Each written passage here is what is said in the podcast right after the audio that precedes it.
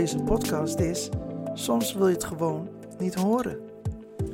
En in 1 Samuel 2 vers 25 er staat, indien de ene mens, en dit is wat Eli tegen zijn zonen zegt, indien de ene mens tegen de andere mens zondigt, dan zal God hem richten.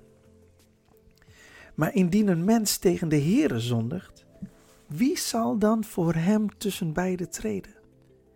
Let op wat er nu staat. Maar zij luisterden niet naar hun vader, want de Heere wilde hen doden. Wauw, dus, dat is niet iets wat ik heb verzonnen. Dit is letterlijk wat in de Bijbel staat. De Heere wilde hen doden. Vanwege hun gedrag, vanwege hun levensstijl. Ze hadden een voorbeeldfunctie. Kinderen van Eli. en ik heb ook die punten net genoemd in het begin. Door hun stijl, hun levensstijl, zorgden ze ervoor dat het volk gewoon niet wilde leven zoals God van hen vroeg. Ze verachten spijsoffer en zij brachten het volk tot zondigen. In 1 Samuel 2, vers 27 tot en met 36 profeteert een man Gods over Eli en zijn huis. En hij profeteert onder andere het volgende. Er staat in uh, hoofdstuk 2, vers 34. En wat uw beide zonen Gofni en Pinjas zal overkomen, zal u tot teken zijn. Op één dag zullen zij beide sterven. Wauw. En in 1 Corinthians 15, vers 33, er staat: Misleid u zelf niet. Slechte omgang bederft goede zeden. En zeden kun je ook wel, in dit geval kun je ook wel zeggen, karakter. Dus misleid jezelf gewoon niet. Als je gewoon omgang hebt met slechte mensen, om maar zo te zeggen, en omgaat met slechte dingen, of je bezighoudt met slechte dingen, dat bederft gewoon jouw goede zeden. En, en dat moeten we niet hebben. Dat is wat Paulus tegen de Corinthiërs zegt. En wat deze Gofni en Pinias deden. Zij hielden zich echt met, met van alles en nog wat bezig. En hielden met niemand rekening. En ook niet met God. Maar dit is een oproep. Soms wil je het gewoon niet horen. Maar het is heel wijs om onze harten te openen. En echt gewoon tegen de Heilige Geest te zeggen: Wilt u mij helpen? om dat leven te leven dat leidt naar overwinning. Weet je, en zoals Paulus zegt in 1 Corinthians, misleid u zelf niet. Nou, Gofni en Pinias hebben zichzelf wel degelijk laten misleiden. Maar Galaten 6 vers 7 is heel duidelijk. Er staat, dwaalt niet, God laat niet met zich spotten. Want wat een mens zaait, zal hij ook oogsten. Dat is een zekerheid, hè? zal hij oogsten. Niet misschien, nee, zal. En wat gaat hij oogsten? Wat hij heeft gezaaid. En misleid jezelf niet. God laat niet met zich spotten. En dat is vandaag de dag nog steeds zo. God laat niet met zich spotten. Maar laten wij gewoon dicht bij God zijn en blijven en gaan wandelen en indien nodig bekeren. Nou, vervolgens is ook nog eens de ark Gods buitgemaakt. En dat werd, ja, dit was zo'n zware nederlaag. Dat is gewoon echt niet normaal. En de ark gods, hè? Dat, wat, wat, wat betekent dat dan? Hoe moet je dat dan zien? Nou, dat staat eigenlijk gewoon symbool voor Gods tegenwoordigheid. Dus de ark gods, daarbovenop zijn tegenwoordigheid. En ehm, daar is de ark gods het symbool van. Dus zodra je hoort de ark gods, dan mag je dat vertalen, even gewoon eenvoudig en simpel, als de tegenwoordigheid van God. Oké, nou heb ik dus 1 Samuel 4 vers 17 behandeld. Nou gaan we naar vers 18. En dit wordt echt interessant. In 1 Samuel 4 vers 18 er staat, toen hij melding maakte van de ark gods, viel Eli achterover van zijn stoel naast de poort, brak zijn nek en stierf want de man was oud en zwaar en hij was 40 jaar richter over Israël geweest. Nou, het woord brak, hè, de Bijbel spreekt over brak zijn nek. Maar het woord brak betekent onder andere kreupel worden. Eli brak zijn nek en stierf. Maar zo kunnen wij ons soms ook voelen dat we ons kreupel voelen in ons geestelijk leven. Dit is precies wat de duivel wil. De duivel wil dat ons geestelijk leven breekt. Dat ons geestelijk leven kreupel wordt. En de duivel kan dat niet eerder doen dat dat hij ons heel sneaky, heel sneaky van God weghaalt. En gewoon zoals hij dat deed bij Adam en Eva. Dat hij begon, op hun begon in te spreken.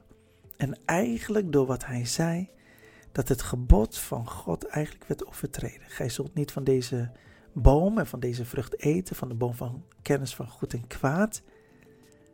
En Satan dacht, als ik hun nou kreupel wil maken, moet ik hun juist laten eten van deze vrucht. Ik moet juist ervoor zorgen dat de zonde haar intrede kan doen. En dat kan alleen maar als ze het gebod overtreden. En dat ze daardoor kreupel worden.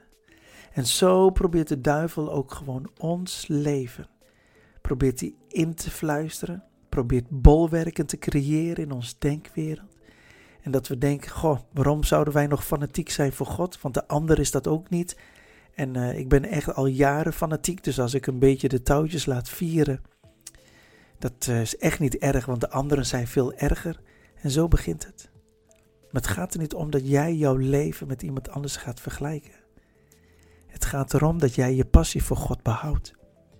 Dat je blijft doen waarvoor je bent geroepen. Want er is er maar eentje die graag wilt dat jij, geestelijk gezien, je nek breekt en dat je in je geestelijk leven kreupel wordt. Maar dat willen wij natuurlijk niet.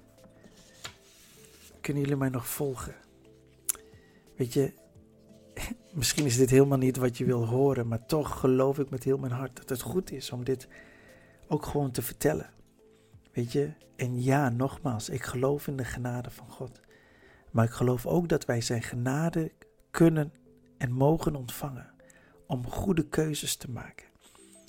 En om die keuze te maken om echt met God te leven. Misschien nog fanatieker na vandaag. We lazen dat Eli zijn nek brak en stierf. En uiteraard heb ik opgezocht wat het woord stierf betekent. En toen ik, daar zijn verschillende betekenissen van, maar ik heb er eentje uitgepikt omdat die het beste past in de context van Eli en zijn zonen. En je gelooft het niet, maar dit is wat er staat. Stierf betekent onder andere voortijdig sterven ten gevolge van verwaarlozing van wijs of moreel gedrag. Voortijdig sterven ten gevolge van verwaarlozing van wijs of moreel gedrag. Weet je, God wilde Gofni en Pinias toch al doden. Maar ook Eli stierf. En dat verwaarlozen van wijs of moreel gedrag kan anno vandaag ook van toepassing zijn. Weet je, als wij ons leven met God, ons gebedsleven, ons woordleven, ons vastenleven, ons rein leven, ons afzonderen leven, ons, geef het maar een naam, wat past bij jou, maar in lijn met de dingen van God. Als we dat verwaarlozen, dan, dan zal dat, dat leven ook gaan sterven. Het gaat gewoon sterven. En zeker als je kreupel bent geworden, dan is dan wens je misschien zelfs om te sterven, omdat je, je kan toch niks meer. En dat is het uiteindelijke doel. Johannes 10, vers 10. De dief komt niet dan om te stelen, te slachten en te verdelgen. Maar ik, zeg tegen Jezus, ben gekomen omdat zij leven hebben en overvloed. Weet je, maar Satan wil dat we kreupel worden. Hij wil gewoon dat wij vroegtijdig sterven, voortijdig sterven, ten gevolge van verwaarlozing van wijs of moreel gedrag. Weet je, laten wij elkaar oproepen om tot God te gaan. Om tot God te gaan. Echt, dit is een boodschap van bekering. Maar ik hoop echt van harte dat deze boodschap niet veroordelend is, maar inspirerend Zodat je ook gewoon je leven weer opnieuw bij Jezus mag leggen. En zo zeg je, ja, moet ik me dan weer opnieuw bekeren zodat ik een kind van God word? Nee, nee, dat, daar heb ik het niet. Ik heb het niet over die bekering. Mocht je nog niet bekeerd zijn en je luistert dit, dan is het zeker de bedoeling om dat zondagsgebed te bidden. En dat je tegen de Heer Jezus zegt, Heer Jezus, ik geloof met heel mijn hart dat u mijn persoonlijke verlosser bent. Ik erken dat ik een zondaar ben, maar dat ik door uw bloed gereinigd en geheiligd kan worden. En dat ik door uw bloed gered kan worden. Want u bent de weg, de waarheid en het leven. En niemand komt tot de hemelse vader dan door u alleen. Wilt u nu in mijn leven komen? In Jezus' naam.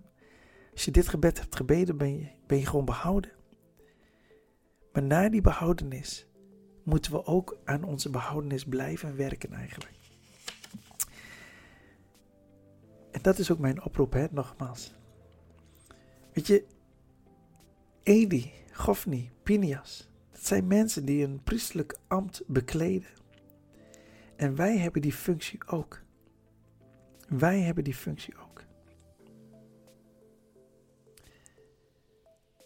Voordat ik deze podcast ga sluiten, een paar gedachten. Ten eerste, op basis van het leven van Gofni en Pinias kunnen we en mogen we concluderen dat zij totaal geen relatie hadden met God.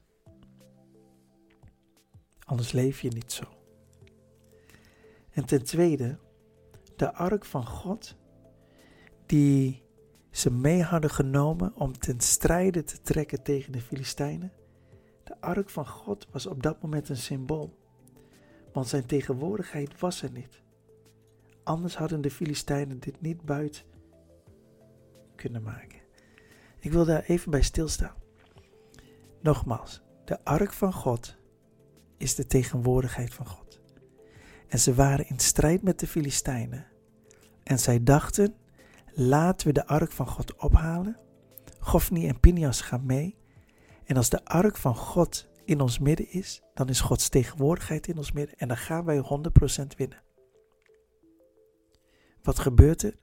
Ze winnen niet, ze lijden de nederlaag. Gofni en Pinias sterven en de ark van God wordt buitgemaakt. En dit is het beeld. De ark van God was veel meer een symbool van zijn tegenwoordigheid, maar zijn tegenwoordigheid was er niet, omdat de priesters totaal geen relatie met God hadden. En als wij die relatie met God niet hebben, kunnen we wel spreken over Gods tegenwoordigheid maar feitelijk is die er dan niet. En als die er niet is, is de vijand heel even bang. Maar als de vijand met ons de strijd aangaat, komen ze erachter dat we de kracht van God missen. En waarom missen we de kracht van God dan soms? Omdat ook wij soms ons gedragen als een Gofni en een Pinias. En dit is wat de afgelopen week gewoon toen ik onderweg was naar het werk, waar ik gewoon op zat te mediteren, over zat te denken. En ik denk dat het gezond is dat wij de boodschap van bekering blijven horen. En het is niet eens zozeer van ja, maar als ik me niet bekeer, kom ik dan niet in de hemel? Nogmaals, ik heb het niet over de bekering om behouden te worden. Maar ik heb het wel over de bekering om een rein en heilig leven te leven. En ook dat overwinningsleven hier op aarde te leven. Daar heb ik het wel over. En ook om verantwoordelijkheid te nemen voor je geestelijk leven. Amen. Maar, wat een zegen dat wij geen Gofni en Pinias als priester hebben. Of een Eli. Wie dan wel? Jezus Christus. Want in Hebreeën 7, vers 28, er staat: De wet stelt mensen aan als hoge priester en mensen zijn behept met zwakheid. Maar met de bekrachtiging onder ede die later werd uitgesproken dan de wet, is de zoon, met hoofdletter Z, aangesteld, die voor altijd de volmaaktheid heeft bereikt. Dus we hebben eigenlijk altijd een perfecte hoge priester. En die het wel nauw neemt met God, om het maar zo te zeggen. Dat klinkt een beetje raar, hè? En dat wij zijn voorbeeld mogen volgen. En dat hij voorbeden doet voor ons. En dat hij eenmaal dat offer heeft gebracht, zodat wij met al onze fouten, falen en zwakheden bij hem mogen komen. Dat hij ons wilde reinigen en heiligen met zijn kostbare en dierbaar bloed. In 1 Johannes 1 vers 9 staat, beleiden we onze zonden, dan zal hij, die trouw en rechtvaardig is, ons onze zonden vergeven en ons reinigen van alle kwaad. Is dat niet geweldig? Weet je, dus ook al is het een oproep van bekering, tegelijkertijd is dit ook een podcast dat geeft de oplossing. Hoe mooi is dat? En wie is de oplossing? Jezus Christus. Maar nogmaals, ik wil die verantwoordelijkheid bij jou en mij leggen. Dat we God echt gaan zoeken. En de week die ik nou achter de rug heb over dat mediteren, over uh, bekeren, zelf ook gewoon gaan bekeren. Praten met de Heilige Geest. Waar zitten de fouten? Waar, waar wringt de schoen? En misschien is dit helemaal niet wat we willen horen, hè? Maar toch is het goed om dat te doen en ook om uit te spreken. En ik wil 1 Samuel hoofdstuk 7 vers 2 tot en met 6 toch nog even lezen. En er staat, en ik lees vanuit de MBG-vertaling, er staat, van de dag af dat de ark in Kiryat Jearim verbleef, verliep er een geruime tijd, 20 jaar. En het gehele huis Israëls, let op, hè, achtervolgde de Heere met zijn klachten. Toen zeide Samuel tot het gehele huis Israëls: Indien gij u met uw gehele hart tot de Heere bekeert, doet dan de vreemde goden en de Astartes uit uw midden weg en richt uw hart op de Heere en dient hem alleen. Dan, komt hij, zal hij u redden uit de macht der Filistijnen. En kijk, en nou reageren ze, hè. Dus eerst wilden ze het niet horen en vooral Gofni en Pinias niet, dus daardoor hadden ze ook een slecht voorbeeld, maar nou komt hij. Daarop deden de Israëlieten de Baals en de Astartes weg en dienden de Heer alleen. Toen zeide Samuel, roept geheel Israël bijeen te Mispa, dan zal ik voor u tot de Heere bidden. Te Mispa, te Mispa bijeengekomen, putten zijn water en goten het uit voor het aangezicht des Heeren. Ook vasten zij op die dag en zeiden daar, wij hebben tegen de Heere gezondigd. En Samuel richtte de Israëlieten te Mispa. Kijk, de Israëlieten moesten de Baals en de Astartes wegdoen. De grote vraag is, hoe zijn die überhaupt daar gekomen? En zo is het ook mogelijk in ons leven. Dat er zomaar afgoden ons leven binnenslopen, waar we helemaal geen erg in hebben. Waar we, dat, we niet, dat we er niet meer bewust van zijn. En zo moet er iemand komen, en in dit geval was dat Samuel, die dan ook gewoon durft te zeggen van jongens, luister. Laten we ons bekeren, dan kan God ook weer gewoon echt Ehm, als het ware herstel brengen. Maar er moet wel iemand zijn die dat zegt. Wil jij die iemand zijn namens God? Dat je ook gewoon tegen anderen durft te zeggen: jongens, we moeten ons ook gewoon bekeren van bepaalde wegen. Want die Baals en die Astartes is echt niet iets van toen hoor. Vandaag de dag is het alleen maar erger en gekker geworden. Weet je wat ik ook mooi vind? In vers 6 er staat ook vasten zij op die dag. En stel je nou voor dat je zegt van Melvin, ik ga echt een paar dagen in gewoon om me te verootmoedigen voor Gods aangezicht. Dan wil ik je ook motiveren om te gaan vasten. En vasten als een daad en symbool van verootmoediging. En ik geloof echt dat God naar je wilt luisteren. Ik geloof echt dat God jouw nek als het ware weer wilt gaan herstellen.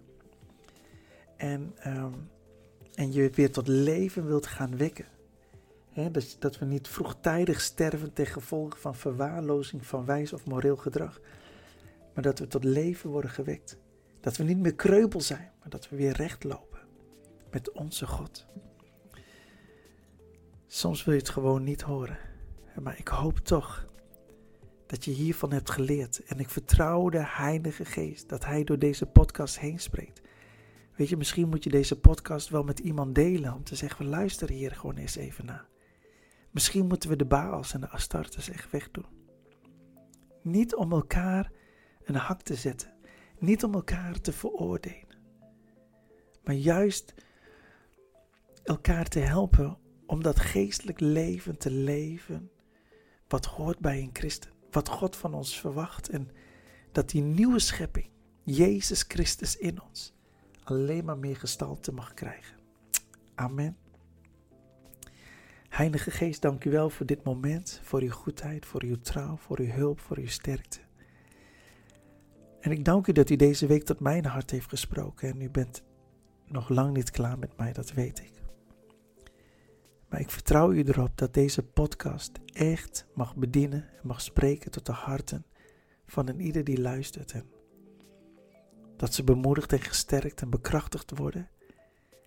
En dat ze gewoon een paar dagen mogen nemen om zich echt te verootmoedigen voor uw aangezicht en de baals en de astartes weg te doen. En dat we ons niet schamen om gewoon te erkennen dat wij ons soms gedragen als een Gofni en een Pinias en een Eli in zijn slechte dagen. Maar dat we mogen weten dat we een hoge priester hebben. Die zelf voor ons is gestorven. Zijn naam is Jezus, de Christus, de Zoon van God. Dank u wel, Heer Jezus. Ik wil u vragen, wilt u mij reinigen van elke zonde, van elke overtreding, van elke ongerechtigheid. Heilige Geest, spreek tot mij, spreek tot de luisteraar. Openbaar de dingen die niet oké zijn, die ervoor zorgen dat we ja, soms een fatale slag moeten incasseren, dat we die nederlaag leiden. Maar Israël betekent God zegeviert en ik wil meer dan overwinnaar zijn, zoals u zegt in uw woord. Heilige Geest, help ons. Dat we niet dwalen, want we weten dat God niet met zich laat spotten. Wat de mens zaait, zal hij ook oosten, maar daarom wil ik goede dingen zaaien. Ik wil rechtvaardige dingen zaaien. En ik wil u bidden, help ons om ook gewoon elke vorm van afgoden uit ons leven te doen. Maar ook de vormen van afgoden in de vorm van haat en van jaloezie. Van roddel, dingen die we koesteren, waar we ons aan vasthouden om een ander in een kwaad daglicht te brengen. Als er deze duisternis er is in ons leven, dan ben ik zo blij dat u het licht bent en dat ik tot u mag komen zoals ik ben. Verander mij. Help mij tot u te bekeren. In Jezus' naam alleen. Amen.